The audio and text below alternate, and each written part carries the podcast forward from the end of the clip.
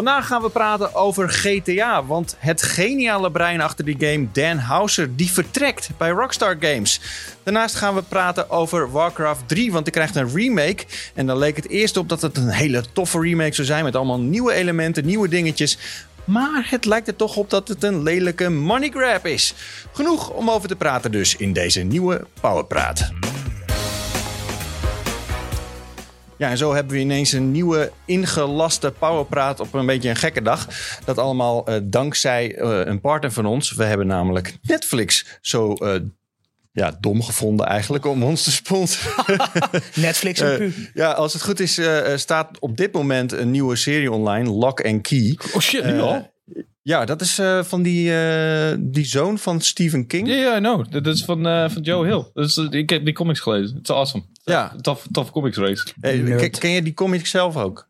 Eh, Ik ken die comics zelf. Ja. Ja. Ik, heb, ik heb hem thuis eh, de eerste deel liggen. Ik moet nog het tweede deel kopen om verder te lezen. Maar dat is echt een, coole serie. Joe Hill is best wel briljant. Niet zo briljant als zijn vader, maar hij komt in de buurt. Nou, en, ze, en ze sponsoren ons nu dus ook, want ze hebben een actie. Je kunt eh, door het hele land kun je clues verzamelen om uiteindelijk de Anywhere Key te vinden. Dat is een belangrijk onderdeel van die serie. Dat ze met die Anywhere Key kun je elke deur openmaken en naartoe gaan waar je wil. In Nederland is er dus ook een Anywhere Key. Die kan je vinden door, er zijn op tien plekken in Nederland zijn er QR-codes en dan kan je met je telefoon dan krijg je een clue Ah, en dan kan je ja. de volgende plek kun je vinden. En dan uiteindelijk, als je die sleutel hebt gevonden, kan je met drie vrienden naar waar je naar me toe wil reizen. Niet. Zelfs naar België. Zelfs naar België, zelfs naar eh Kabouterland in Drenthe of wat dan ook. Ja, ja, ja. Dus dat is wel heel cool. Maar dat, dat, dus je hebt de Anywhere Key, dus je kunt anywhere naartoe. Dat is wel Ja, vet. Dat is inderdaad. Hey, Dat is wow. cool. Je snapt hem echt meteen. Eh, mocht je daar meer over willen weten, ga naar pu.nl slash Netflix. En dan eh, lees je alles wat je hierover eh weten wil. Heel tof. We hebben een partner voor Powerpraat. Dus we kunnen allemaal toffe dingen doen. Zoals deze ingelaste eh Powerpraat. Hey jongens, Powerpartner. Jij komt net uit een trip vanuit. Jullie hebben het al net even gehoord. Samuel zit in deze Powerpraat en Wouter. Ehm, Samuel, je bent net op trip geweest. Klopt, ik eh, ben gisteren teruggekomen uit Londen. Eh, ik mocht eh, er even heen om de nieuwe features te checken van Persona 5 Royal. Want Persona kwam eigenlijk, of Persona 5 kwam al uit in 2017.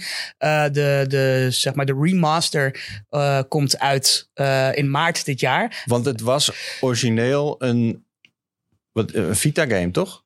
Nee, nee, nee, dat is Persona nee. 4. Eh, Persona, Persona 5 is gewoon op PlayStation Ja. alles uitgekomen. per- eh, maar Persona 4 had ook een soort van Ja, Golden. eh, extra versie, Ja. Golden Ja. inderdaad. Maar wat is hier een extra aan? Want dat veel was dingen. dan al een PlayStation ik bedoel, 4 een, groot deel van Persona is niet alleen het dungeon crawling en de RPG mechanics. Dat is ook het sociale aspect. Dus dat je mensen leert kennen in, de- in het echte leven. Dat je Ja. relaties met ze aangaat. Dat je bij, bijbaantjes hebt. Dat soort dingen. Er zijn nieuwe personages toegevoegd. Eh Nice. Eén belangrijk personage is toegevoegd. Bestaande boss battles eh, zijn aangepast. Ik heb bijvoorbeeld de, de eerste echte grote baas in de game. Die perverse gymleraar. Die, Mhm. die fight heb ik helemaal opnieuw gedaan. En er zaten nieuwe elementen in. Oh, Ehm, serieus? ja, Nieuwe elementen in een fight ja, zodat je die fight ook op een andere manier kon uitspelen. Op een soort beetje een scripted manier in plaats van alleen gewoon aanvallen en zo. Dat was heel erg tof. Er zitten quality of life veranderingen in. Zoals je hebt nu een enterhaak. eh, waarmee je via verticaal kunt bewegen langs dungeons. Wat, ehm, in de eerste dungeon heb je bijvoorbeeld ook een gedeelte dat je in de kelder kunt springen om schatten te verzamelen. Maar als je dan weer boven in de toren wilt, moet je een hele omweg vinden. Oh, nu ja. kan je gewoon vanuit die basement kan je met een enterhaak gewoon weer naar die eerste verdieping trekken. Cool. Ik, ik heb twee vragen voor je. Even, even snel tussendoor. Ehm, als ik Persona 5 alleen nog bij de eerste dungeon heb gespeeld, Ja. moet ik dan opnieuw beginnen met Persona 5 Royal? Ik denk het wel. Ja, ik denk niet dat er een soort van eh, save game compatibility systeem is. Nee, maar ik bedoel, ik, bedoel ik, Ja. ik, ik, ik heb een beetje moeite verder te Ja. komen in Persona 5. Ik weet niet waarom, omdat ik heb Persona 4 heb ik eh, op de Vita gespeeld. Ik wil net zeggen, Persona 5 is wel wat, wat toegankelijker, denk ik, dan 4 uiteindelijk wel. Ja, maar op een of andere manier, omdat ik die op de Vita kon spelen en overal... Ik, Oh, het, het was de draagbare factor die ja, jou... eh, precies. ja, en, oké. en dus, en dus kon ik hem overal, weet je, in de vliegtuig waar dan ook, kon ik hem spelen. En nu heb ik zoiets van, ik weet niet, Ja, ik, heb er moeite het- mee. Ik weet snap het wel. Ik vind het persoonlijk ook wel jammer dat de Persona 5 voor de Switch bijvoorbeeld, dat dat de Ja. Dynasty Warriors clone is en niet echt de... Right, dat was toch perfect geweest? Dat, is een hele, het is een hele zijn fijne portable game. Maar in ieder geval, Ja. dus ehm, ik wil die game wel spelen, maar ik kan Oh, dus beter de, de Royal versie spelen. Ja, nu, als je hem nu nog basically helemaal moet spelen, kan je net zo goed wachten op de Royal versie. Ja. En Ja. Persona 4 en Persona 4 Golden, is het verschil tussen Persona 5 en Persona 5 Royal ongeveer net zo groot? Ehm, ja, ik heb Persona 4 dus nooit uitgespeeld. Eh, en ik heb alleen Golden gespeeld op de Vita. Ik heb niet origineel van 4 gespeeld, dus ik weet, niet- ik kan het niet echt met elkaar vergelijken. Ja, er zitten ook allemaal nieuwe voice acting in dergelijke. Maar ik denk, Ja. ik zo te horen, als er een nieuwe enterhaak in zit, een nieuwe eindbazen. Dan Ja, is het, het, volgens het, is, mij- het is voornamelijk de, de, het nieuwe personage dat heel belangrijk is. En er zit ook een nieuwe modus in waarbij je... ehm, het is een soort van... Ja, het is een gigantische kamer en die kan je helemaal inrichten. En daardoor, daardoor kan je alle filmpjes kan je, eh, kan je opnieuw bekijken in de, in de vorm van een film. Je kan alle models zien van alle vijanden en personages. Alle artwork is daarin opgeslagen. Het is een soort Meteen van het ultieme... begin? Eh, in de beelden die ik speelde wel. Ja, oh, de, de, ja de, die kamer is meteen beschikbaar. Maar hoe je, je moet wel alles ontgrendelen door middel van punten die je haalt Ja, in de game. Ja, ja. Uh, maar het is een hele toffe manier om te genieten. Want het is een super stijlvolle game. Oh ja. Het is de- waarschijnlijk de meest stijlvolle game van de afgelopen vijf jaar. Alleen die Gewoon- cover art al, de man. cover, de, de minuutjes, de laadschermen. Jezus, oh. Dat is, zijn zo mooi. En eh, ze, hebben echt, ze hebben dat echt omarmd in die nieuwe modus. Waardoor je dus kunt genieten van alle, alle esthetische kwaliteiten die die game heeft. Hmm. Heb ik het goed als, dit een, als ik dit een JRPG noem? Ja hoor. Ja, ja ehm, het is een, wel een hele specifieke JRPG. Het is grappig dat je erover begint, want in de komende pu staan er zes pagina's eh, van mijn hand over de hele Shin Megami Tensei franchise. Ja. Dat is namelijk de moeder-franchise waar Persona onder valt. Eh, en ik leg uit waarom die aan de ene kant vergelijkbaar is met franchises als eh, Final Fantasy, Dragon Quest, Pokémon, maar ook waarom het volledig verschilt. Onder andere door spin-offs zoals Persona. Eh, dus ja, je kan het een JRPG noemen, maar er zijn ook dingen die als je een JRPG-hater JRPG bent, Ja. die misschien toch wel kunt zeg maar waarderen aan eh, dingen als weird voor, dat... ik, ben, ik ben een speler van eh, westerse RPG's Ja. zoals The Witcher of eh, Horizon Zero Ja. Dawn. Is dit iets wat ik zou Zo anders. kunnen waarderen of is het echt compleet iets anders? Ik denk, Veel meer geduld voor nodig. Ja, je hebt er wel meer geduld voor nodig. Eh, qua gameplay, qua gewoon directe gameplay, denk ik niet dat je je zal aanspreken. Ehm, de reden waarom het heel veel mensen aanspreekt die wel van westerse games houden, is omdat het esthetisch heel erg tof is. Het ziet er gewoon al geweldig uit. Het heeft heel veel zeg, van bovennatuurlijke elementen. Het brengt heel veel, ja, eh, mythologische wezens samen vanuit boeddhisme, eh judeo-christelijke geloven, sprookjes, Shakespeare-boek. Het brengt het allemaal bij elkaar in een soort van Pokémon-achtige demon catch mechanic die erin zit. Dus heel veel mensen vinden ook dat verzamelaspect van die bovennatuurlijke shit heel erg tof. Eh, en het, het sociale aspect. Sommige mensen vinden het gewoon heel erg tof om basically in persona uit te leven van hoe is het om een, eh, een, een middelbare scholier te zijn in Tokio. Dat, Want het is toch heel erg een dubbel. Want Ja. ik- een, een dubbelzijdige game. is een zeg maar. dubbelzijdige Aan de ene kant game. heb je die, dat high school eh, ding. Ja. Ja. En aan de andere kant ben je in de de demonenwereld. Exact, maar die twee dingen versterken elkaar wel. Dus als jij een bepaalde vriendschap aangaat met een persoon en jouw vriendschap wordt sterker omdat je bijvoorbeeld op vrijdagmiddag na school chillt met diegene, je gaat een ijsje halen, je gaat poelen, eh, dan wordt jouw band sterker en dat zorgt ervoor dat je dan buffs krijgt in de demonwereld. Want je vecht ze ook samen, zeg maar, in de demonwereld. Ah. En hoe sterker jouw sociale connecties zijn, hoe sterker de persona's zijn of hoe beter je op elkaar kunt inspelen. Eh, en wat ik persoonlijk het vetst vind, en dat is iets wat in heel Shin Megami Tensei zit, maar in Persona 5 ook. Elke demon die je aanvalt heeft een, een beetje la Pokémon een elemental weakness. En bijna elke Shin Megami Tensei game heeft een mechanic dat als je die demon, als je die, ehm, die zwakte weet te identificeren en weet te raken, dat je dan nog een beurt krijgt, een extra beurt. Dus je kan echt combo's maken van aanvalbeurten door precies te weten eh, welke demon je hoe moet aanvallen, met welk partylid. En, Ja. ehm, en dat, dat, heeft, dat heeft een hele eigen. Die, die combat heeft daardoor een hele eigen ritme die je niet ziet in andere JRPG's. Maar dat is, dat is puur gameplay. Maar, maar qua, qua basics, weet je, eh, het is een. Je wordt heel, heel veel meer geleid, sowieso in het begin van de game. Je wordt heel meer geleid van wat je precies moet doen en hoe je de, de opbouw. Het duurt heel erg lang, omdat je Zo, heel veel zijn. Persona 4, holy shit man. Ja, precies. Ja. Dit zijn heel veel elementen waar je aan geïntroduceerd moet worden. Ja. Er zijn heel veel dingen die je moet snappen. En, en de Japanners nemen hun tijd daarvoor. Ja, weet je, die doen heel langzaam dat uitleggen. En eh word je nog geïntroduceerd met alle characters. En, Grappig dat je het erover hebt. Ik denk dat jij het heel erg interessant zou vinden. Een van de vakken die ik volgde op de UvA heette Pictorial Languages. Dat was een studie over de, de studie van beelden, zoals ook in comics bijvoorbeeld. En Mhm. eh, een van de lessen die ik daarover had, is hoe erg westerse comics verschillen van Japanse manga's. En dat een van de grootste verschillen is, is dat je hebt in een strip heb je panels, die, die vakjes. Je hebt verschillende soorten panels, zoals action to action. Eh, de meeste panels in westerse comics zijn action-to-action panels. Oftewel, iemand doet iets en Ja. vervolgens doet iemand anders iets. Ja. Eh, de Ja- Japanse manga's eh, bestaan voornamelijk uit eh, omgevingpanels om, of om, om, om sfeer over te brengen. Right, of right, eh, het gevoel van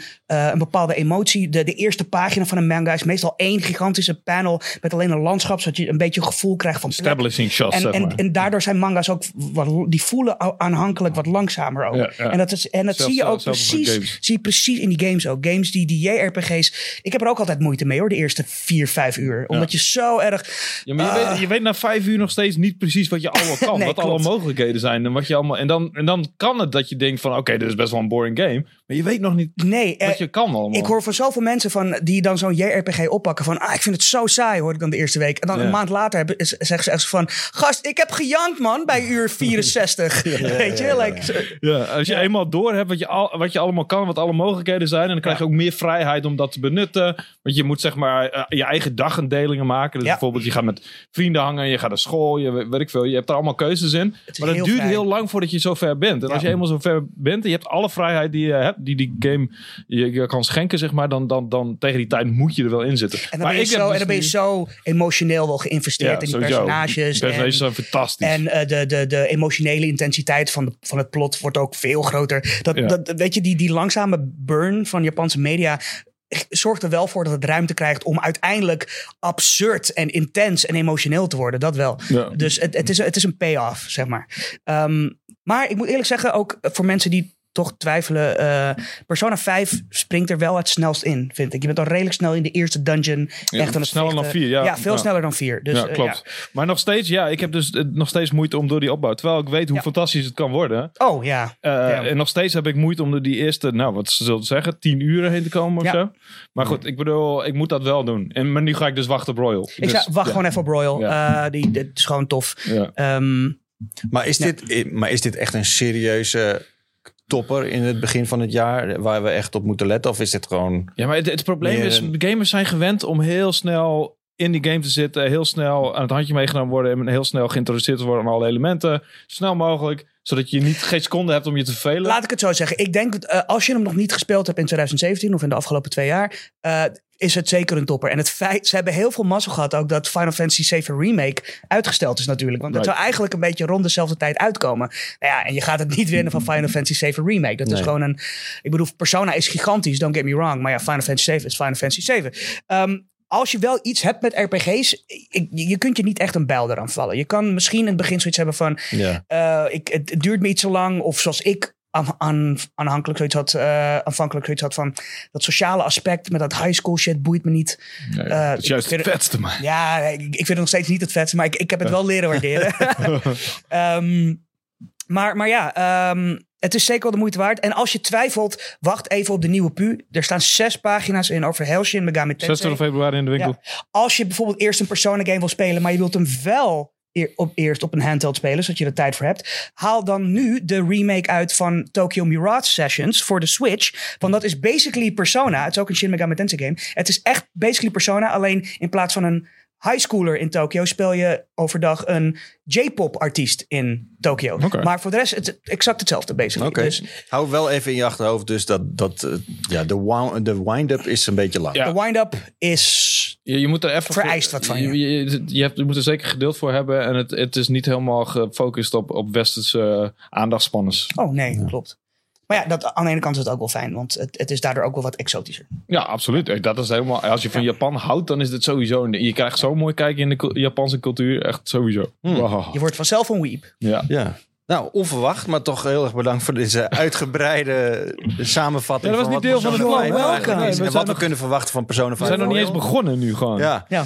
We gaan het hebben over GTA 6. Want Dan Houser is een van de grote breinen achter de GTA-reeks. Die gaat opstappen bij Rockstar Games. En wat gaat dat betekenen voor GTA? En wat betekent het überhaupt voor Rockstar en voor de games eh, van Rockstar? We gaan het er nu over hebben eh, met Samuel en Wouter. Ehm, jullie hebben het allemaal het nieuws gehoord deze week. Ja, zeker. Dan Houser, ehm, eh, de broer van Sam Houser. Sam Houser is eigenlijk de directeur. Dan Houser is een beetje de, de creative Ja. Ja, van, eh, ja. van de twee. Produceert, schrijft. Ja, schrijft dus onder andere heeft Reddit 2. eh, Red Dead Redemption geschreven. 2, Bully, Max Payne 3, basically elke GTA. Vice City eh, heeft hij geschreven. alle grote uitbreidingen ook, Ja. Ballad of Gay Tony. Ehm, en ik vind dat dat misschien nog wel dat is heel erg belangrijk, vind ik, de schrijvers van een game. Want Absoluut. ik vind GTA leuk. Ik vind Rockstar best wel leuk. Maar ik vind het voornamelijk leuk. ehm, niet zozeer vanwege de werelden of wat je kunt doen qua gameplay. Maar ik vind het heel tof geschreven. Ja. Ik vind eh, de, de toon is heel scherp en witty. Ehm, bijna, ik, ik, ik noem het altijd, ik noemde het vroeger de South Park van gaming. Ja. Ehm, het, het is satirisch, Ja, maar, maar, wel, maar, ja. maar, niet, maar niet kinderachtig satirisch of te cartoony. Het is, het, het is echt een hele scherpe parodie op Amerikaanse cultuur. Eh, en daar moet je een hele, hele scherpe geest voor hebben. En die had Hauser, die heeft Hauser. Ja. Ehm, Hij leeft nog. Hij leeft nog. hij, hij leeft nog, hij leeft nog. Het is niet in, in mem- memoriam dit. exact, exact. Ehm, maar eh, eh, ik, dat hij weggaat, is dus denk ik, gaat heel veel veranderen wel. Ja. Want zelfs eh, er zijn, er zijn zat getalenteerde schrijvers in, in de game-industrie, daar niet van. Maar elke, schrij, eh, elke schrijver heeft een hele unieke toon Ja. en, en, en kleur en, en, en, en Ja, weet, je wat, interesses. weet je wat het voordeel is? De GTA bestaat natuurlijk al sinds 1998. Er zijn fucking veel delen van uitgekomen. Er zijn heel veel mensen en heel veel schrijvers ook opgegroeid met die serie. Ja. Dus ik denk dat ook heel veel... eh, dat er nu wel mensen echt rijp zijn om, om die serie over te kunnen nemen. Om het te kunnen schrijven. Er zijn veel schrijvers gevormd door Ja, GTA. ja, Ja, heel veel. Ja. Dus ik, ik kan me niet anders voorstellen dat er genoeg kanshebbers zijn om, om, het, om het op te pakken. Ja. En eigenlijk kan het ook wel iets goeds betekenen. Want eh, ik moet zeggen, hij is een briljant schrijver. En hij heeft die hele serie op poten gezet. En hij heeft het gemaakt wat het is. Ja. En inderdaad, die, die, eh, ehm, ehm, die kritiek die erin in, in zit, dat is misschien wel totaal van hem. En dat heeft hij überhaupt verzonnen, weet je.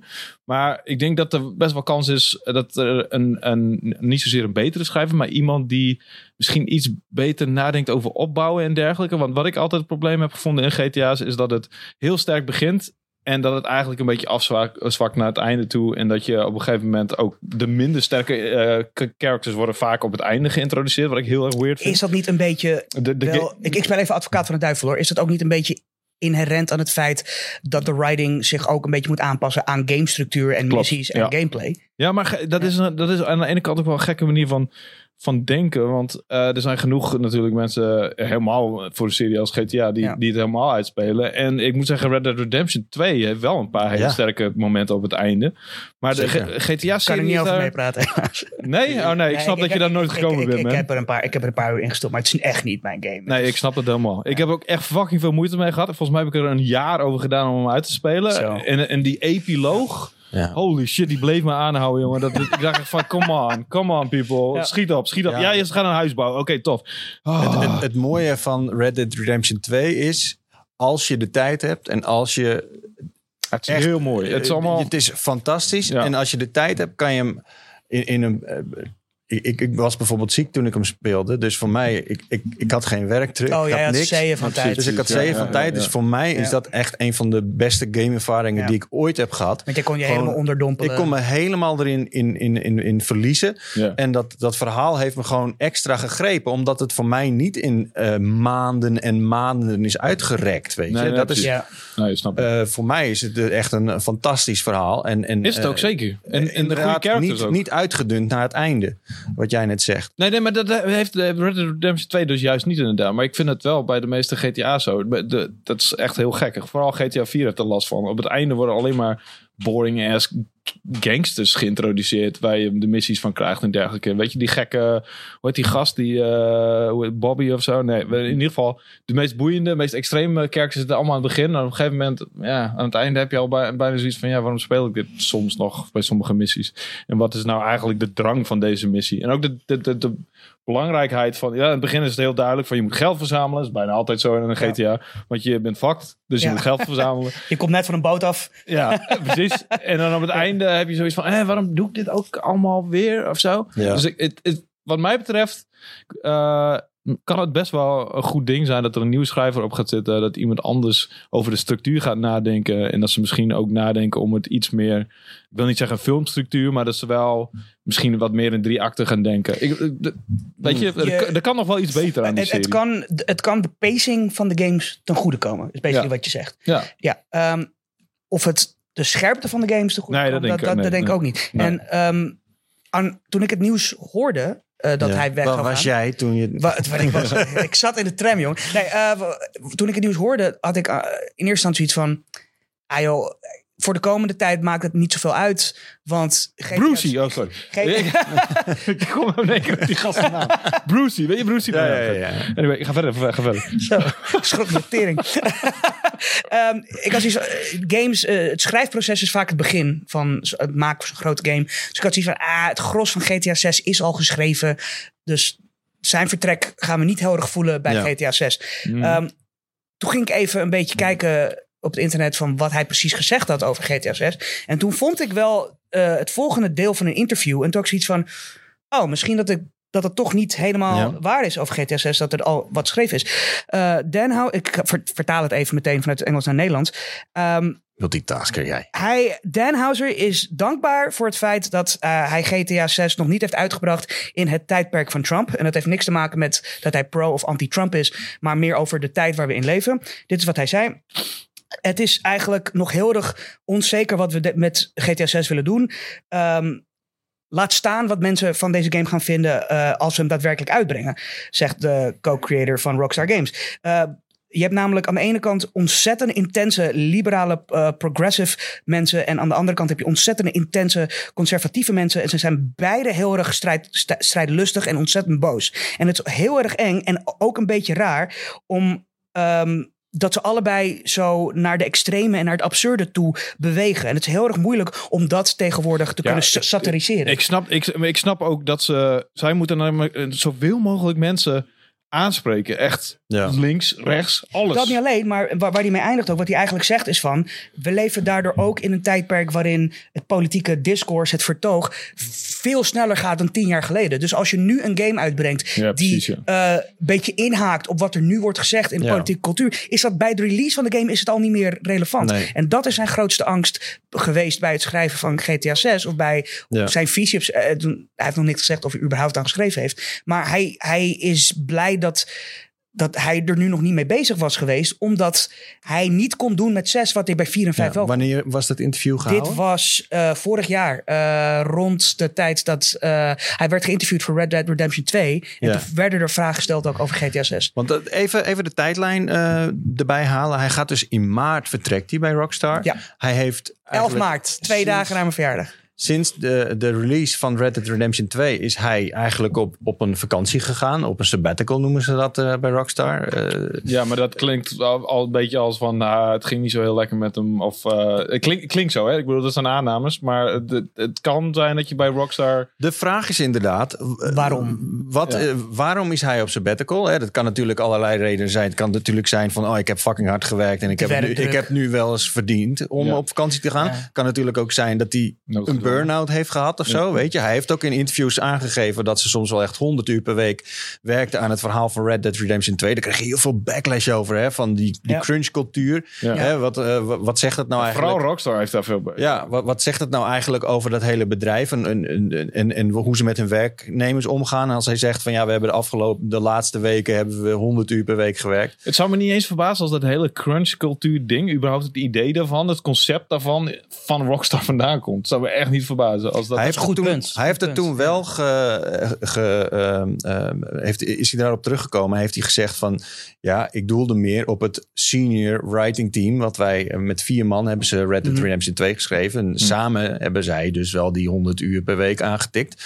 Maar hij doelde daar specifiek op. En hij zei van ja, de rest van de mensen forceren we echt niet om eh, hard te werken. Ja. Waarmee hij dus eigenlijk impliceert dat als je niet overwerkt, dat je dan niet hard werkt. Dus misschien heeft hij zichzelf overwerkt. Misschien wil hij gewoon vakantie nodig. Maar misschien is er ook intern bij Rockstar gewoon heel veel aan de hand. Want we weten Ja. ook dat inderdaad vorig jaar zeg maar, de derde oprichter van Rockstar Leslie Games... Benzies. Leslie eh, Benzo. dat die, eh, die, die, die had een hele eh, lawsuit eh, zeg maar, gestart. Omdat hij zei dat hij 150 miljoen dollar aan royalties Ja. van de GTA games Het verhaal daarvan is ook wel interessant. Want eh, voor de mensen die het niet weten, je hebt Sam en Dan Houser. Dat zijn twee broers. Die hebben samen Rockstar opgericht. Maar er was een derde musketier, Mhm. namelijk Leslie Benzies. En die, die was eigenlijk de, het hoofd van Rockstar North. Oftewel eh, Rockstar in, in Londen. Dat was de derde persoon. En die hadden ook samen een soort van agreement. Van oké jongens, wat we doen.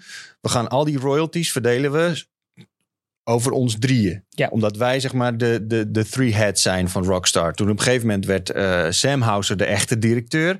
Eh, toen ging Leslie Benzies met sabbatical. En hij heeft later gezegd dat was eigenlijk meer een soort van geforceerde sabbatical. En toen hebben zij in die tijd ook met die eh, een zogenaamde sabbatical agreement hebben ze gezegd. Ja, eh, het is allemaal wel leuk, maar als hij niet werkt, dan krijgt hij het ook niet.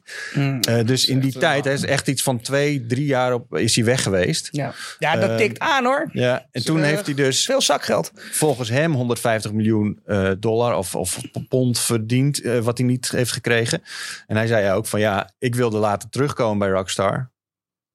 En mijn eerste werkdag was de deur voor me op slot, weet je. Het is echt Dus, volgens eh, mij een harde bende daar bij Rockstar, Ja. jongen. Echt niet te geloven. Ze zijn wel de allerbelangrijkste, allergrootste ontwikkelaar van de hele fucking wereld. Maar volgens mij handelen ze daar ook naar hoe hard die cultuur daar is. En, Natuurlijk, natuurlijk. eh, je, je hebt nou- altijd het idee... eh, dat, dat zie je ook aan hun games. Gewoon hoe ze even geëvalueerd zijn. Je, je merkt heel erg binnen Rockstar dat ze het idee hebben... dat ze altijd zichzelf moeten overtreffen. Ja. Ehm, niet, eh, niet alleen qua interne kwaliteit... maar ook qua schaal en grootte en intensiteit en, ja. en cijfers. En, en ik denk niet dat de menselijke psyche...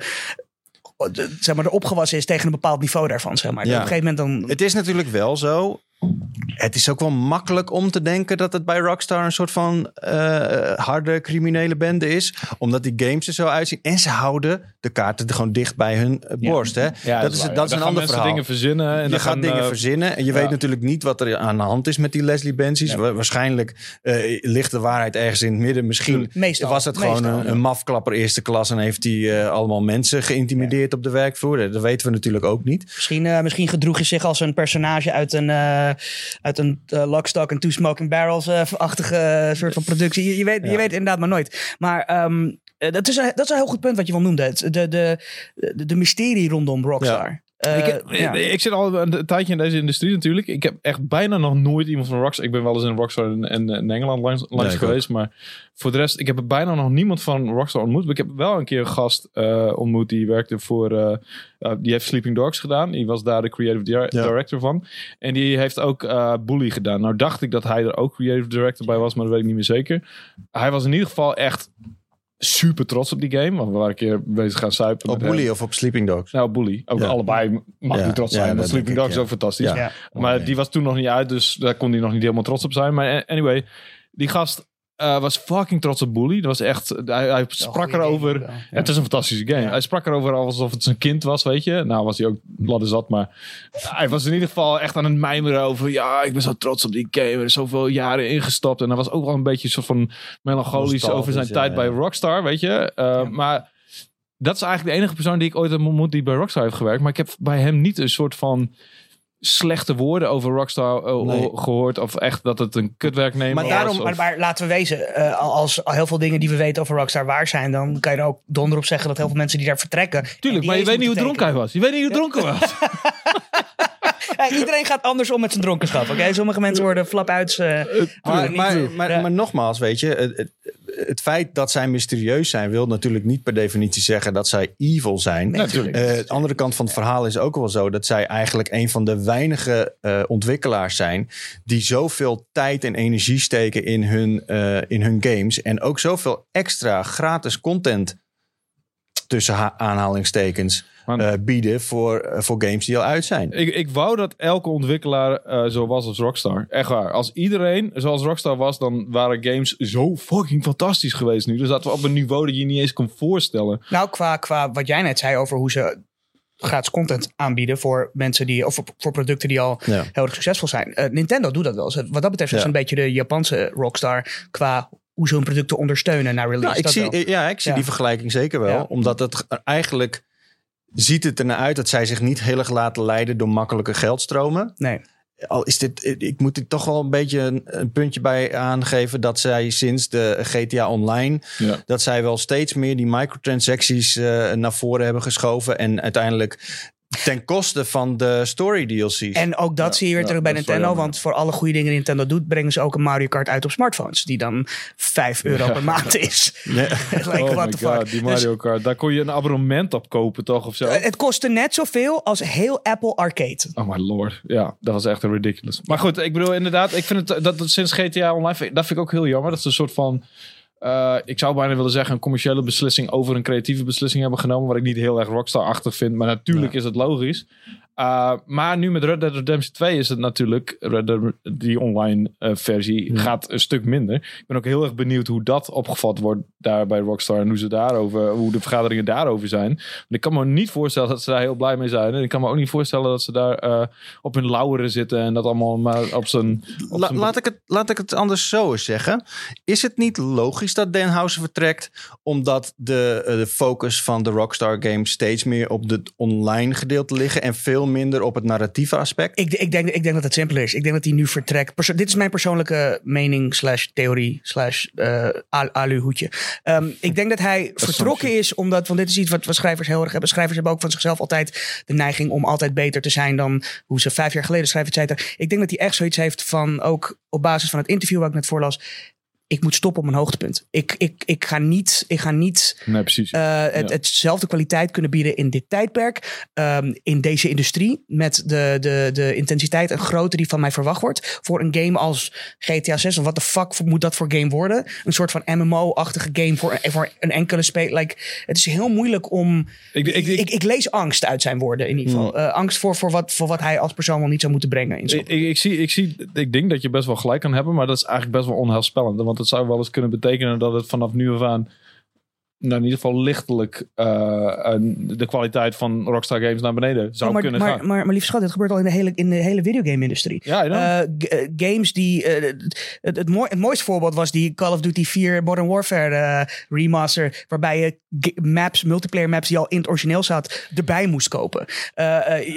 Content, de hoeveelheid content gaat al naar beneden. Omdat het niet haalbaar is om games aan te bieden voor 60 euro per Ja. stuk. Voor de, de, de, voor de teams die eraan werken en, en, en, en het geld dat er ingepompt moet worden. Maar is Tuurlijk dat het- dan tuurlijk- misschien de reden waarom ze uiteindelijk richting die microtransacties transacties zijn natuurlijk. ge? Want- omdat ze wel moeten. Omdat ze, ze hebben nieuwe vormen van inkomen nodig, willen Ja. ze dat kunnen behouden. Maar het is, het is een model dat niet, eh, dat, dat niet in stand kan houden. Ik, eh, iets wat ik al misschien wel 10 jaar, 12 jaar roep, is eh, deze, de, de game-industrie gaat een, een tweede crash meemaken. Net als de, de crash van de jaren 80 natuurlijk, van Atari. Ehm, en Ja. het is nog steeds niet gebeurd.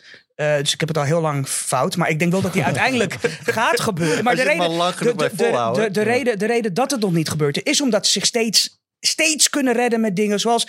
ehm, voorheen was het. eh, horse armor waar je, waar je voor moest betalen. Of Oh, Capcom. Dat, is letterlijk de allereerste DLC ever. Was dat. Echt, eh, of, of, Capcom die geld, betaalt, geld vraagt voor outfits voor Street Fighter die ja, al op de schijf stonden. Ja. Toen kwamen ze erachter van, oh, maar microtransactions, lootboxes. Ze verzinnen steeds een manier om toch net meer geld van de klant af te Early kunnen troggelen. Eh, early access, eh, noem het maar op. Maar dat zijn middelen die niet in stand eh, gehouden kunnen worden, omdat de klant er uiteindelijk doorheen kijkt. Ehm, Ja, dus, dus- moeten ze steeds nieuwe dingen dus ze moeten op een gegeven moment beseffen van... oké, we kunnen niet meer voor kwantiteit gaan. We moeten teruggaan naar een, een, een, een, een, een, houdbaarder model. Of er komt wel een crash. Ja. Wa- Ja. Oké, laten we het hebben over de rol van eh, de uitgever in deze. Take-Two hebben we het nu over. Ehm, de, de- de aandelenkoers is gezakt Eeuw. toen eh Den Houser zijn vertrek aankondigde. Of tenminste toen ze het vertrek van Den Houser aankondigden met 5%. Eh, dat is natuurlijk significant. Daarnaast was precies een week daarvoor geloof ik, voor dit vertrek... ehm, eh, was er in het nieuws dat er vermeende druk is van Take-Two op studio's van Take-Two om eh, meer uit te brengen in een kortere tijd en eh, misschien ook wat minder eh, content in die games te stoppen. Druk op Rockstar Ja. of druk Ja. op een andere studio's ook? Want zij hebben jack shit uitgebracht de laatste jaar. Nee, precies. Eh, had ik het er even bij pakken? Die van die, eh, die CEO, die eh, Strauss Zelnick, Ja, ja, ja. die zegt: ehm, It's possible. Strauss Relmicht? Wat? No, nice nou. Eh, het is mogelijk dat games, eh, worden, dat games een beetje korter worden dan eh, ze waren in bepaalde, op bepaalde momenten. Het is ook mogelijk dat ehm, de mogelijkheid om eh, content te leveren op een ehm, ongoing basis, dus eh, gewoon continu, voor een lange tijd nadat die eh gereleased is, zou betekenen dat de release, ehm, het wachten op de volgende release, zou eh, Teruggebracht worden. teruggebracht Ja, worden, ja. inderdaad. Ehm, en dat je dus ook minder uren gameplay daarvoor terugkrijgt. Als je dit koppelt aan het En, en wat er al gaande is, hè, waar we het net over hadden gehad met, de, met GTA Online, Red Dead Online, microtransacties. En eh, de rol van überhaupt het narratief in, eh, in de GTA en de Red Dead eh, series.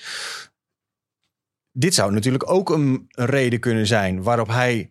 Hij krijgt steeds minder ruimte om zijn creatieve energie kwijt te kunnen. In een reeks die eigenlijk. Wat eigenlijk een beetje zijn, zijn kindje is eigenlijk.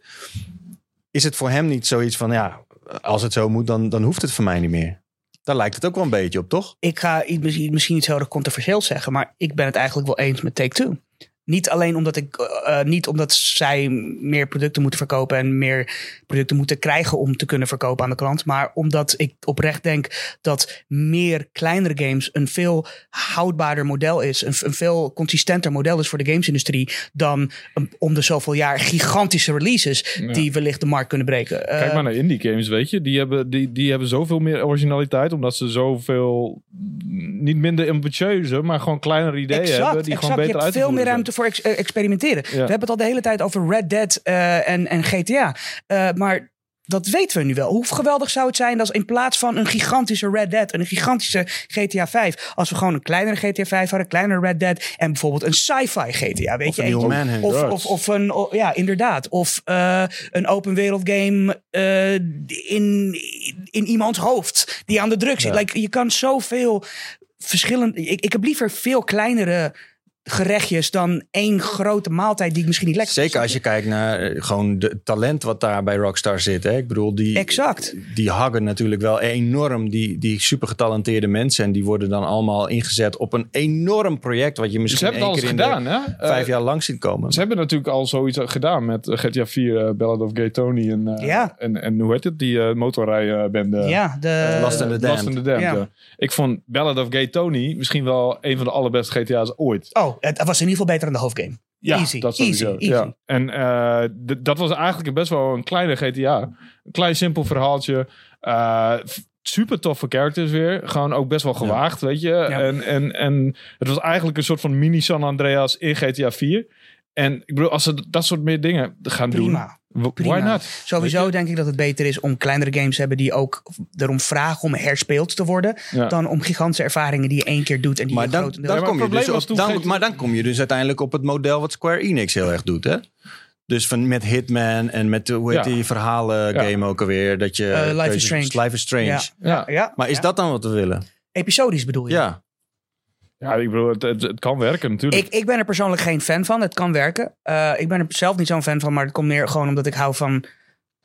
Dat is ook een reden waarom ik tv minder tof vind dan film. Ik hou gewoon van self-contained ervaringen. Als iets episodisch is, dan voelt het al een beetje afgebouwd. De enige, de enige game waarvan ik episodische content zou willen is, is Phoenix Wright Ace Attorney. Elke week een nieuwe rechtszaak zou ik geweldig vinden. Dat zou ik echt, echt geweldig vinden. Ehm, maar cool, voor de rest, ik, ik zou het gewoon echt tof, tof vinden als, als je gewoon kleinere games hebt die je gewoon in een eh, in 10, 15, 20 uur kunt uitspelen. En dan kun je, Ja. als je wil, als je hem geweldig vond, kun je hem herspelen.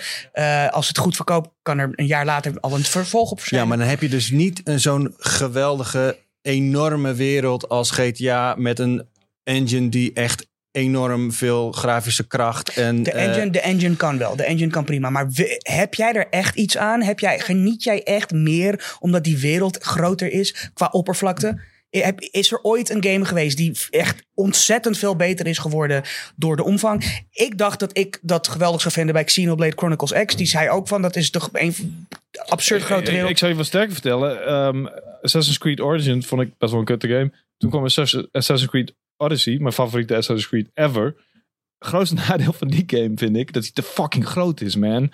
Die game had veel kleiner moeten zijn. Dan had ik hem al, al, al lang helemaal totaal uitgespeeld. En dan had ik een toffe ervaring gehad. En Ja. dan had ik al die toffe... Maar zijn dit gewoon niet oude mannen die aan het praten zijn? Nee, Ma- mannen nee. die eh, minder tijd hebben voor een game. Ja, ja, dat die zich kunnen. dan minder in kunnen verliezen. Nee, want als we dan kijken naar wat de jeugd speelt, die speelt dingen waarbij omvang niet eens uitmaakt. Dingen zoals Fortnite en Minecraft. Zo map of zo. Toevallig, oké, Minecraft is dan misschien een uitzondering, maar dat komt omdat dat het enige soort game is waarin omvang een onderdeel vormt van de daadwerkelijke ervaring. Want je hebt ruimte nodig om dingen te kunnen bouwen zo groot als jij wilt. Ja. Maar dat, dat, dat- de omvang is niet een, een, een unique selling point. Het is gewoon iets wat iets, de unique selling point ruimte geeft. Maar bij GTA is het natuurlijk wel een beetje anders. Want die, die, die serie is wel steeds groter geworden. En, eh, en ja, dat is ook een beetje zijn, zijn selling point toch? Zijn unique selling point. Steeds grotere werelden, maar wel steeds evenveel maar, detail. maar en- na San Andreas vond ik het mooi geweest. Ik vond het verder dat ik bij San Andreas van de ene stad naar de andere kon rijden. En het idee had dat ik dat echt deed in een game.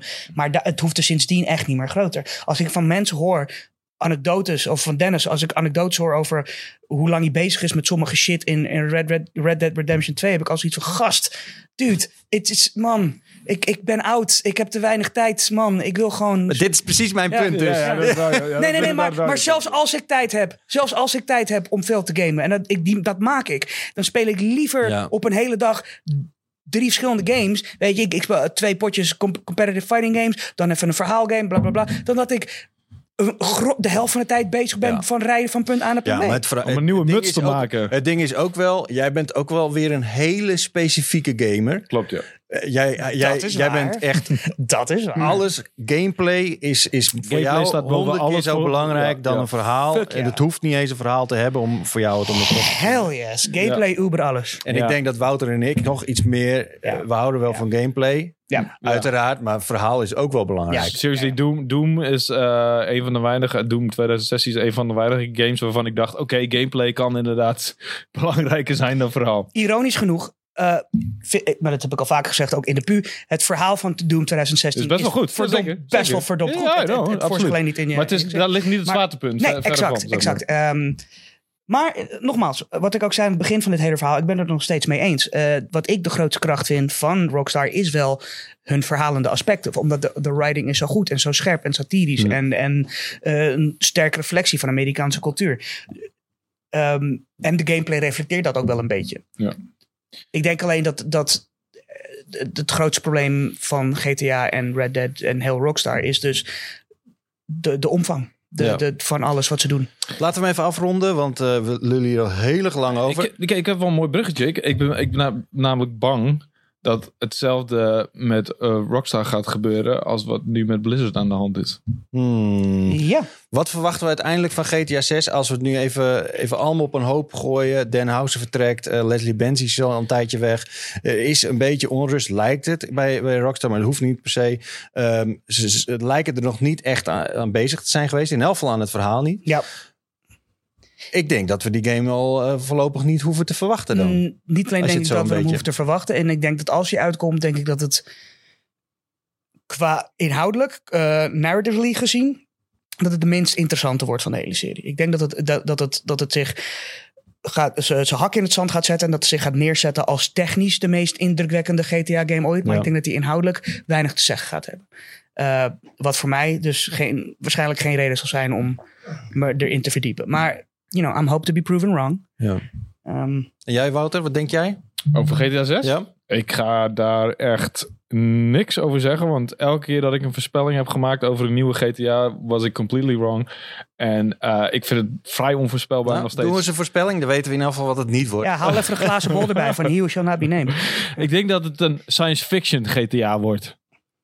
Dude, Nee. dat zou ik zo vet vinden. Let's go. Ja. Cyberpunk GTA. I know, dude. Oh man, ik let's, zou echt, hartstikke ik- idee. maar dat gaat het dus nooit. Neo never, Andreas, never, never let's go. Ja, precies. Oh, nice. Nee, maar ik, ik, ik, ik hoop dat eh, de invloed... Ik, ik neem aan dat de invloed van Dan Houser enorm is. Uh, maar ik denk niet dat hij onvervangbaar is. Ik denk dat niemand onvervangbaar is. Nee. Niemand is onvervangbaar. En ik denk dat er zo Ik fucking kijk even veel... meewarig naar het bureau naast mijn bureau. Oh, ja, precies. Leeg is. ja, dat is een goed voorbeeld. Oké, misschien, misschien iemand als Kojima is niet vervangbaar, maar misschien... Ja. Ja, maar die heeft ook weer heel. Maar Ja. er zijn, net wat ik aan het begin al zei, er zijn zoveel mensen opgegroeid met GTA. Er is Ja. echt wel iemand die Ja. gewoon hem kan vervangen en die gewoon misschien nog wel iets beters kan maken. Eh, en helaas, het kan ook anders gaan, net zoals met bijvoorbeeld Halo is gebeurd. Halo werd overgenomen door eh 343 en die hebben nooit meer het niveau Nee. weten te behalen Nee. als. Maar dit is kleinschaliger. Dit gaat één persoon weg en wel een extreem belangrijk persoon. eh, die best wel veel impact kan hebben. Maar weet je, het is niet een heel team. Het is niet een heel, dit is niet een heel eh, ontwikkelaar. Dus ja, ik heb nog steeds gewoon goede hoop voor GTA 6. Eh, en als GTA 6 kut wordt, weet je wat, dan ga ik misschien gewoon nooit meer gamen of zo, weet je. Dan is het gewoon voorbij. Ja, Dan drama is het gewoon queen. voorbij. Drama queen. Wat er echt gaat gebeuren met GTA 6, dat weten we natuurlijk niet. Eh, maar de verwachting is in elk geval dat het nog wel even duurt voordat hij uitkomt. We gaan in elk geval op de voet volgen wat eh, bij Rockstar allemaal gebeurt. Laten we het hebben over Warcraft 3 Reforged. Want er is een remake uit van Warcraft 3. Eigenlijk Zo. een hele goede Oh. game. Eh, en, en Blizzard was er van alles mee van plan. Want eh, ze wilden daar een echte remake van maken. Dus met allerlei nieuwe elementen. Met eh, cutscenes die overgingen in gameplay en wat dan ook. Hm. Uiteindelijk is de game uit. Wouter, je hebt hem gereviewd. Mhm. En it's not all good. Nou ja, ik, eh, laat ik vooropstellen dat het heel tof is om weer Warcraft 3 te spelen. Het is een stortvloed aan nostalgische gevoelens. Het is een... eh, het is echt nog steeds een fucking goede game. Het is Hoe ook oud is die game ook eigenlijk? Bijna 20 jaar. 2002 komt die. 17 toch? 2002 komt die uit. Oh, man. Eh, dus 17 jaar. Eh, het is ook weer leuk om eens een keer weer een RTS te spelen. Dat is eigenlijk een, een, een genre dat verloren is in de tijd. Nobody, niemand speelt die shit Oh, meer. en de reden daarom is heel ironisch, maar daar hebben we het straks ook wel even over. Oké. Ja. Eh, nou, alleen op mobiele games zie je af en toe nog een... art- of Ja. op, de mobiel zie je af en toe nog een... verwachten toch wel een Red Alert remake ook dit jaar. Ja, maar de, de, de- het is niet heel erg slim om je geld in te zetten op een RTS-game. Want dat is geen, het is geen populair genre meer. En het zal het waarschijnlijk ook nooit meer worden. Het is echt een thing Nou ja, from the past. Ze, ze, ze willen die, ze willen die Dune-film weer gaan maken. Ik denk dat als, als oh, oh, dat is al vet. ja, ik denk dat als ze dat doen, dat ze dan misschien weer een Dune RTS, want daar is de het genre mee begonnen. Ja. Dat zou dan wel een mooie inkopper zijn, denk Oh ik. Maar, God. maar inderdaad, het genre is tegenwoordig, Ja. heeft niet zijn allure meer. Dus ik, ik vond het super leuk om te spelen. En, ehm, ehm, en de, de animaties zijn beter geworden. De poppetjes, eh, de, de poppetjes, om het zo maar even een heel kutste benaming te geven. Die mijn moeder ook aan eh, dingen geeft. ja. Eh, de characters hebben hele mooie nieuwe animaties, nieuwe details. Het is, het Even tussendoor, poppetjes is beter dan mensen die characters verkeerd uitspreken. Ja. Mensen die characters zeggen. Of karakters. Zo, zo. Karakters is ook kut, ja. Ja. Maar dat doen er nog best wel veel mensen. Eh, ook mensen waar ik van hou. Ehm, maar... het- het- Zoals je het moeder. anyway, Classic. eh, het probleem met Warcraft is dat het iets heel anders beloofd is. 2018 op de BlizzCon is er gewoon iets beloofd dat het totaal niet is geworden. Eh, ze hadden een hele andere verhaallijn beloofd die zeg maar in zou spelen op de gebeurtenissen in World of Warcraft. Want er zit er een soort van, tussen Warcraft 3 en World of Warcraft zit er een soort van spanningsbouw. Er zit, Ja. zit een soort van eh, contrast in wat er in, in beide games is gebeurd. mensen er echt om geven. Volgens mij vinden, zijn de Chinezen de enigen die dat echt tof vinden aan Warcraft. Nou ja, de, de, uitgebreid, de lore van, van, van Warcraft is best wel Het uitgebreid. is best uitgebreid, maar, maar niet veel Nou, mensen geven erop, toch? nou, er zijn toch heel veel volkstammen in, eh, in Europa. Ook vooral die, die eh, MMO spelen die heel erg Ja, invested zijn in Jij die kan, jij kan heel diep gaan in World of Warcraft in de lore. En je kan Ja. echt, echt eh, ontzettend veel dingen eruit halen. Ehm, maar eh, ja, ze wilden dus de, de verhaallijn aanpassen zodat die beter aansluit op World of Warcraft. Ze wilden iets van vier uur extra cinematics doen. Ze wilden van die Ja, in-game, de cinematics. ze wilden van die in-game cinematics die ze hebben, wilden ze veel meer een soort van filmische ervaring maken. Ja. En daar hebben ze ook Ja. ge- eh, tentoongespreid hoe ze dat wilden doen. Ja. Hebben ze laten zien, ja. Eh, en eh, zeg maar Dat echt moment dat, inzoomen. dat dorp met die undead en dat, Ja. dat die... de, calling of nog wat. Ja. Eh, daar hebben ze veel meer emotie in gestopt. Je ziet gewoon de gezichtsuitdrukkingen. Er wordt op ingezoomd. Er worden establishing shots gedaan. Al dat soort werk. Hebben ze er allemaal uitgesloopt. Allemaal Het hebben ze- gebleken. Ja, het is flauwekulling. Oh. Beautiful Dit is waar Cheer voor betaald Dit is, krijgt. waarom, dit is waarom hij aan het hoofd van deze tafel staat. Exact, exact. Eh, maar het, het, het- weet En je, weet, weet je wat het ergste is daarvan? Ehm, dat het eruit wordt gesneden.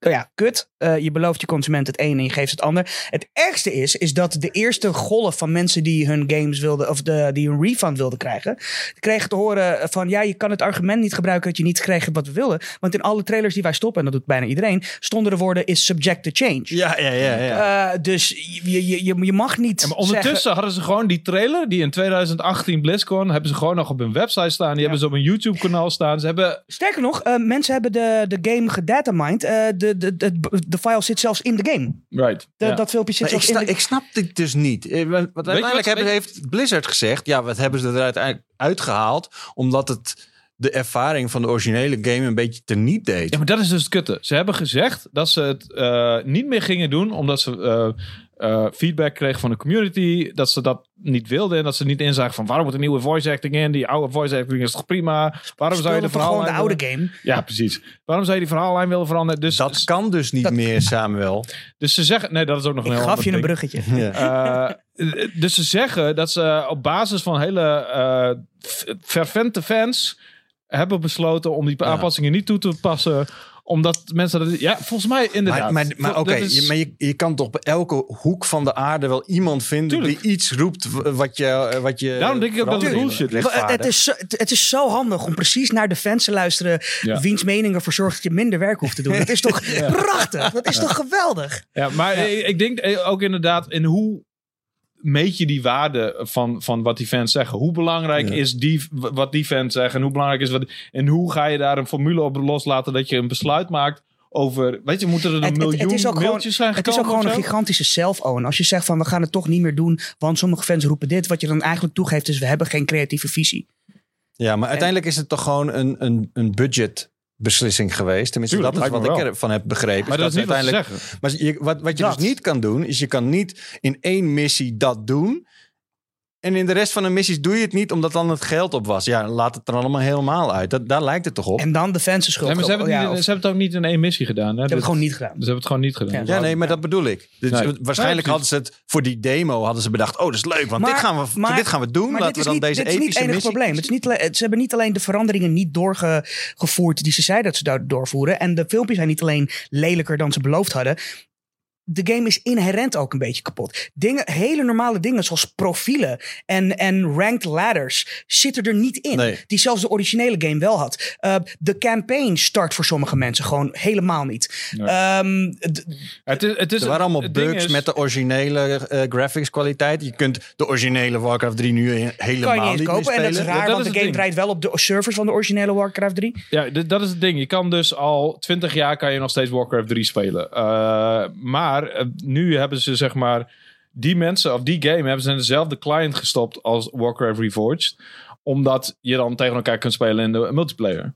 Uh, maar door, daardoor zijn er heel veel elementen uit de originele Warcraft 3 gesloopt. Mensen die die game al 20 jaar spelen, kunnen allemaal dingen niet. Net wat jij allemaal noemt. Die Ja. rank ladders, uh, geautomatiseerde tournaments. Uh, Dus allemaal er waren gewoon custom-made dingen die mensen hadden gemaakt in de originele Ja, Warcraft, die custom nu niet meer speel, speelbaar zijn. Ja. Dit is uiteindelijk wat Dota hebben. uitgeboren is. Dus toch? die Dat- mensen... dat- dat- exact, dat vind ik Zelf, het zelfs mensen die zeg maar uh, Reforged niet hebben aangeschaft en wel Warcraft 3 gewoon hadden, Worden hierdoor die worden hierdoor be- be- bepiepeld. Echt. En dat is, dat is het meest pijnlijke. Niet alleen maak je een, een, een kapot product, een, een product die zijn beloftes niet namaakt. Je fuckt de legacy van een van Ja. de belangrijkste games. En daar zijn mensen echt terecht. Ik bedoel, Nerd Rage is er altijd. Er zijn altijd gamers die zich ergens Oh, druk over ja. maken. En het is soms best wel irritant. Met Het dit is super geval, irritant. En het geeft gamers ook een slechte naam heel vaak. Maar Ja. in dit geval 100% justified. Eh, Ja, ze hebben he- hier heel slecht mee omgegaan. Ook gewoon de communicatie. en het verbaast me. Wat wat de fuck is er aan de hand met Blizzard? Het was ooit echt de messias van PC gaming. Ja, en nu, en nu zijn ze zover dat ze met eh, trots en heel veel eh, pracht en praal Diablo voor de mobile aan, eh, aankondigen. En dat ze verbaasd Do zijn. you not have phones?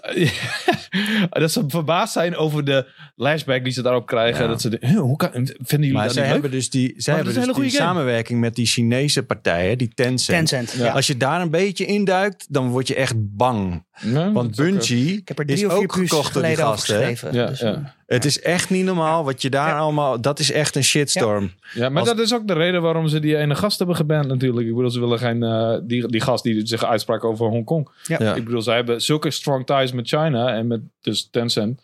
Dat, Ja. ze- dat, ze, no- dat het een hele logische beslissing was om die gast te bannen. En dus ze waren anders best wel fucked geweest. Maar het is, het is in ieder geval extra eh, olie op het vuur rondom hoe, hoe, hoe, hoe Blizzard zijn integriteit verloren lijkt te hebben. Ja. Ehm, en wat ik het allerergste vind van dit, misschien dit hele debakel is.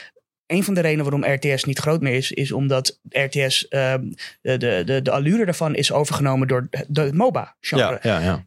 En ironisch genoeg is het MOBA-genre ontstaan doordat Ja. mensen mods maakten van Warcraft 3. Ja. En de bekendste daarvan is natuurlijk Defense of the Ancients, oftewel Dota.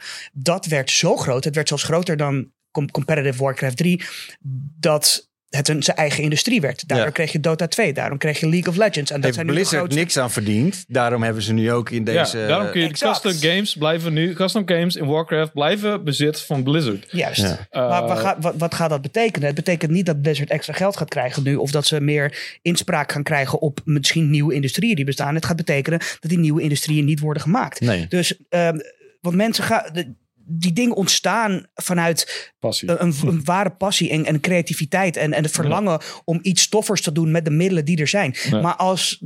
Be- Bethesda heeft het ook al gedaan. Dat eh, bij de paar releases van eh, Skyrim. dat mods niet meer konden of zo. Of dat, dat, of dat je die mods moest je alleen. kon je dan alleen nog maar kopen via de Bethesda Store. Vol- of zoiets, volgens, mij is er, volgens mij is er een apart eh, ehm, eh, Skyrim. Nee, er is een Oblivion gemaakt in de Skyrim engine of zo. Ah, ik wou dat, dat, dat ze dat deden met Red Dead Redemption 1 in de Red Dead Ja. Redemption Volgens mij 2. heeft, Bethesda dat ook tegengehouden. Die, die, die maar dat, dat soort dingen zijn tegengehouden. En, en dat, dat vind ik het allerergst. Eh, niet dat zij eraan willen verdienen, dat snap ik. Je bent een bedrijf. Maar dat je hierdoor de creativiteit en plezier en mogelijke revolutionaire veranderingen in de kiem smoort. ja. Eh, want er gaat geen nieuwe, er gaat nu geen nieuwe Dota eh, of. of nou ja, dat valt wel te bezien, maar ja... Het, het wordt er niet leuker op gemaakt, laat ik Nee, het zo zeggen. nee het, het, voelt, het voelt allemaal heel erg 1984 corporate en, en gecontroleerd en, en onvrij, ja, onvrij is geen woord, eh, aan de banden gelegd. Ja. Ehm, en, en dat is niet, het zijn niet dingen die je wil associëren met je favoriete hobby's. Nee. Ja, Bli- Blizzard is inderdaad in, in 2002 toen eh, Warcraft eh, 3 eh, uitkwam, toen waren ze echt on top of their games. Ze waren echt eh, de shit. Untouchable, Ja. untouchable. World of Warcraft was het toen nog niet, Nope. maar ze wisten waarschijnlijk al, weet je, dat gaat heel hard. Ik, ik vond laatst Eh. weer oude eh eh game-tijdschriften die ik in Spanje kocht. Die hebben een Spaans, de Spaanse puur, zeg maar, hobby-consolas. Ik vond een paar hele oude. En ik vond er eentje waarbij er een screenshot was van wat toen nog World of Warcraft moet komen. Dat zag eruit als een tekenfilm. Zag eruit, toen zag je orks om een vuurtje zitten. En dat was echt hand-drawn. Het zag er zo vet uit. En toen zeiden ze ook, ook niet MMO. Het zeiden ze van, ja, hier een screenshot van World of Warcraft. Wat de nieuwe point-and-click adventure wordt van, van, van Blizzard. Point En ik- and click Ja, man. Echt, I swear to God. Ik kocht dat blad altijd omdat je er een CD-ROM bij kreeg met demo's. Maar, Ja, maar ze, ehm, ze hadden wel een, ze hadden wel een eh, point-and-click adventure eh, gepland, maar die is ook nooit Ja. uitgekomen. Net zoals StarCraft Ghost. Ze hebben best wel veel... StarCraft Ghost, yo, die wilde ik zo graag. Ja, ze hebben. Titan MMO hebben ze gecanceld. Ze zijn best wel Ja. een soort van... Die zou nog uitkomen voor PlayStation 2, Gamecube en Xbox Ja, inderdaad. eh, precies. Ghost. ze hebben Ja. best wel veel games gecanceld omdat Ja. ze niet goed genoeg vonden. Alleen ze zijn nu een En beetje... daar heb ik respect voor. Die Ja, absoluut. quality, Dat quality goed. control vind ik, vind ik heel nice. Alleen ze zijn nu gewoon te bang geworden om, om creatieve stappen Ja. te maken. Ik bedoel, Overwatch was natuurlijk fantastisch. Eh, Wa- dat is Overwatch trouwens League- ook de laatste game die, ze- zij hebben Ja, uitgebracht. ja. En dat is al wat? Hoe lang geleden is dat? ja, I don't know. Dat is 2012 Los van uitbreidingen en 2013 of remakes. 2000... I don't know. Echt Maar in ieder geval, eh, daar hebben ze dus die Dat is niet zo Overwatch League... geleden, hoor. Ik denk dat dit 2016. 2015, 16 of Ja, Ja, dat zou wel kunnen Ja. inderdaad, ja. Eh, da- daar hebben ze dus die Overwatch League van gedaan die gefaald is. Hearthstone is nu ook een beetje onspeelbaar als je niet heel veel geld neerlegt. Het is ook een beetje verloren zaak. Ehm, Oh, je wat- het Hearthstone vergeten. inderdaad, die hebben ze ook nog. Maar Ja. is het echt onspeelbaar? Nou ja, nee, het is niet maar- onspeelbaar. Het maar is als gewoon... je competitief wil meedoen, dan heb je wel... Er is heel veel in te halen. Het is niet iets waar je Ja. even inspringt. Nee, Nee, dat is waar, nee. ja. Eh, dus weet je, al hun franchises zijn een beetje een doodlopende bende geworden. En, en Warcraft 4 zit er überhaupt niet aan te komen. Daar zijn ze niet eens mee bezig. Ze wilden eerst Reforged maken en daarna... Waarschijnlijk gaan ze er niet eens aan beginnen. Ja. Wat, wat is er nou eigenlijk in de toekomst voor, voor Blizzard? Het is best wel eng Ja, om ze te hebben kijken naar hoe het met hem gaat. eh, War- eh, World of Warcraft uitgebracht. Ja. Ik denk dat er een nieuwe Overwatch aan zit te komen. ja. Ehm, ik- 2, een mooi bruggetje naar waar ik het ook even over wil hebben. Ehm, Diablo 4 komt er natuurlijk ook nog aan. Dat wordt natuurlijk waarschijnlijk de Ja. grootste, de grootste Ja, Blizzard game. Maar en ik moest, ook, ik moet ook wel zeggen, was, eh, toen de eh, backlash op zijn hoogtepunt was, de backlash jegens Blizzard, kwamen ze met die prachtige trailer van Diablo 4. Diablo en all, all seemed forgiving. Oh, ik nee, nee, nee, ja, nee, ja, nee. ja, ik heb het echt over Diablo keer. 4, Ja, niet Immortal. Maar die ene trailer dat die gasten worden... Ja, dat was een hele vet. De hele, hele vette trailer. En iedereen was weer even van, oh, Blizzard. mm. Ja, precies. Ehm, maar dat wordt wel een belangrijke game. Maar, ehm, want eh, om even terug te komen naar Dan Houser. Hij is niet de enige die namelijk weggaat. Wie namelijk ook weggaat. Ja, dat is best wel leegloop bij Blizzard ook aan de hand. Er, er is best wel zo een gek. le- Nee, niet, niet, niet, bij, niet alleen bij Blizzard. Hebben jullie gehoord van Rod Ferguson? Oh, right. Van, Ja, eh, Is dat de broer van Rod Stewart? Nee. Dat is de slechtste grap die je ooit hebt verteld. I love, it. I love it. I love it. Rotgrap. Kijk, there you go. Zo ken ik het. Rod Ferguson ehm, heeft vijf, meer dan 15 jaar aan de Gears of War franchise gewerkt. Hij was een Oh. producent aan Gears of War. Ehm, hij gaat weg bij de Coalition om de productie te overzien van Diablo 4. Oh, oké. Dus hij gaat juist weer naar Blizzard toe. Ja, Oké. Ehm, Hmm. wat ik, en dat is ook echt vandaag pas aangekomen. Maar ik zie dus niet echt de appeal van Diablo 4 nog in. Nee, Diablo 3 zag ik al die appeal niet helemaal van. Ik had hem toen 24 uur gestreamd. Ja. en toen Ja. was ik er best wel klaar mee. ik ook niet, maar zat gamers wel. Ja, voor, heel veel, voor heel veel gamers is Diablo de ultieme Ja, maar ik denk dat hmm, ik, de- Diablo 3, ik denk net zoals StarCraft 2, eh, die is volgens mij ook tegengevallen qua verkopen. Dat was een poging om de RTS weer op de kaart te zetten. Is volgens mij niet helemaal gelukt. Want Oh, volgens goed. mij. Ja, ja. Dat Starcraft, zijn dat eh, is die drie luik, weet je nog? Dat Ja, zijn eh, ja. drie verschillende games Ja. geweest. Leuk idee om dat zo uit te drie, brengen. vond het ook drie toffe click games. games. Ja. Ja. ik kan me niet Ja. anders voorstellen dat die elk op eenlopende deel gewoon minder zijn Ja, verkocht. maar Diablo heeft wel een soort van constante soort van waardering en fanbase gehad. Ja, ja zeker, zeker. Tuurlijk. Maar Diablo 3 is ook alweer 2012 of zo. Dat is volgens mij. ik zeg, Ja. het, het ding Ja. is, ik zie gewoon niet echt heel veel vernieuwing in die Nee. reeks. Nee. Waarbij je denkt van, hé, hey, dit is toch iets waarvoor ik het weer op zou pakken. Het is weer... Het, het zijn weer wat andere helden. eh, Ze- ze maar moeten de echt of zien nog steeds zo bleak en dark uit. Weet je, is- Ja. Ze moeten echt met een World of Warcraft komen. En eigenlijk, wat Diablo is, is... Het lijkt heel veel op Warcraft als in de Undead. En weet je, ze hebben de, gewoon de Undead campaign van Warcraft 3 genomen. En dat, dat is eigenlijk wat Daar, daar hebben ze een Diablo game is. van gemaakt. Ja, gewoon, ja, ja. gewoon precies dezelfde look Ja. en feel. En dezelfde stijl en dezelfde we- soort wezens. Lijkt heel veel op elkaar. En dat is fijn. Eh, Ik bedoel, net zoals de Hearthstone ook gewoon Warcraft de kaartgame is. Het is logisch dat je franchise zo uitbreidt. Eh, Overwatch wat dat betreft is gewoon wel echt iets nieuws. Dat was nieuws. Maar ja, goed, Ja. daar hebben ze heel veel goodwill wel mee vernietigd door de lootboxes basically aan de wereld te introduceren. Door, eh, Ja. aan de hand van Overwatch. Dus het heeft ook bij heel veel gamers een slechte smaak in de mond. Ja, ik kan me ook Um, niet voorstellen dat het iedereen gepleased heeft die Blizzard-fan is. Ik bedoel, ik bijvoorbeeld was Klopt, best het, wel... het, een- het, wa- het was heel erg Pixar voor hun. ja, Ja, ik, wa- ik was be- best wel een groot fan. Ik ben Warcraft vind ik fantastisch. World of Warcraft heb ik drie jaar eh, bijna non-stop gespeeld. Ik heb niks met Overwatch, weet je. Eh, Diablo is oké, maar... ik heb Overwatch wel een tijdje gespeeld. Ja, ik, ik ben er Overwatch echt wel ik vet. vond het wel leuk. Maar, ik, ik, ja. ja. ik speel het nu ook niet meer. Ja, maar het is een ik eerlijk competitief. En het is eh, en wo- wat World of Warcraft bracht... En wat het nog steeds... Ja, Ja. eh, dat, is, dat vind ik niet wat Overwatch is, weet je. En Ja. ik, ik, ik zit op iets te wachten zoals dat. Een, een heel revolutionair ding eh, lijkt er echt niet aan te komen voor Blizzard nu in de Nee. komende... I don't know hoeveel jaar. En dat vind ik een beetje jammer, want Ja. het was echt... Net wat ik zeg, in 2002 waren ze zo hard. En dan, toen moest World of Warcraft Ja, nog uitkomen. Maar Overwatch is wel gekomen en het was op, op dat moment was Zeker, het ook wel absoluut. echt iets Ja. wat nieuw was. Dat was ja. Ze brachten die helden naar een shooter. Ja. Weet je, en, wat zie je nu over Het is- om ons het heen? Ik bedoel, ik bedoel het, het, het, Het is een hero shooter. Is, Het is het begin van de... Ja. Van de van het, die, was, het was niet de eerste. Ik bedoel, Team Fortress 2 bestond al. Maar ze hebben Ja, het wel gepopulariseerd inderdaad. Ja. En dat was wel ook knap. Ja, ze hebben het heel slim gedaan. En ik, eh, het wordt tijd voor weer zoiets. Maar eh, I don't know of het ooit gaat gebeuren nog, man. Hmm. Het is een beetje gek daar bij Blizzard. Warcraft 3 Reforged. Reforged. Wat heb je hem gegeven? Reforged. Ik heb het een 5 gegeven. Een 5. Nette, een nette 5. Eigenlijk is het, is het voornamelijk door de communicatie die ze vanaf... Weet je, als, als ze niet die hoge verwachting had meegegeven... en als ze niet oude games hadden opgefokt... Nou ja, ik bedoel, eigenlijk, eigenlijk is het niet zozeer die game die een 5 krijgt... maar is het alles eromheen en de Ja. hele communicatie in het Ja, fucking... maar de game is gewoon goed en dat blijft ook een goede game. Tuurlijk. Alleen de remake zelf is een onder de maat. Ja, en het, heeft, en het, het leek me, had me zo tof gevonden als ze die campaign hadden aangepast. In een vacuüm is het een goede game. Ja, absoluut. Als je helemaal alles, alles wegdenkt, Ja. alles eromheen, dan is het een goede game. Ja. Maar dat is het niet. En het, is, eh, het lijkt me zo vet gevonden om als het net zo'n remake was geweest als Resident Evil 2 bijvoorbeeld. Weet je, gewoon totaal anders. Zo, en gewoon dat dat je niet alleen nostalgische gevoelens Met, wel krijgt, met de geest van het origineel. Maar Precies. overduidelijk Ja. nieuwe generatie. dat je nog steeds nostalgische gevoelens krijgt Dat van de, terwijl je het speelt, maar dat je ook verrast wordt Ja. en van wat hebben ze hier? Ik had het hier la- trouwens, eh, laatst trouwens over met een goede maat van mij. We, we hadden zoiets van, oké, wat is een beter voorbeeld van hoe een, remake, hoe een remake echt hoort te zijn? Wat is een beter voorbeeld dan Resident Evil 2 remake? En we konden niks verzinnen. Nee, Misschien, Nee. re- misschien Final Fantasy 7 remake, I don't know. Maar hopelijk. Nee, dat hopen we. dat Ja, hopen we. Maar dat lijkt me sterk. damn, dat is maar- hoe je een remake doet. Ja. Ja. Wauw, jongens. We hadden twee punten op, de, op, op een papiertje staan. En uiteindelijk, ik weet niet hoe lang we bezig zijn. Maar eh, sorry voor het tijdstip, mensen.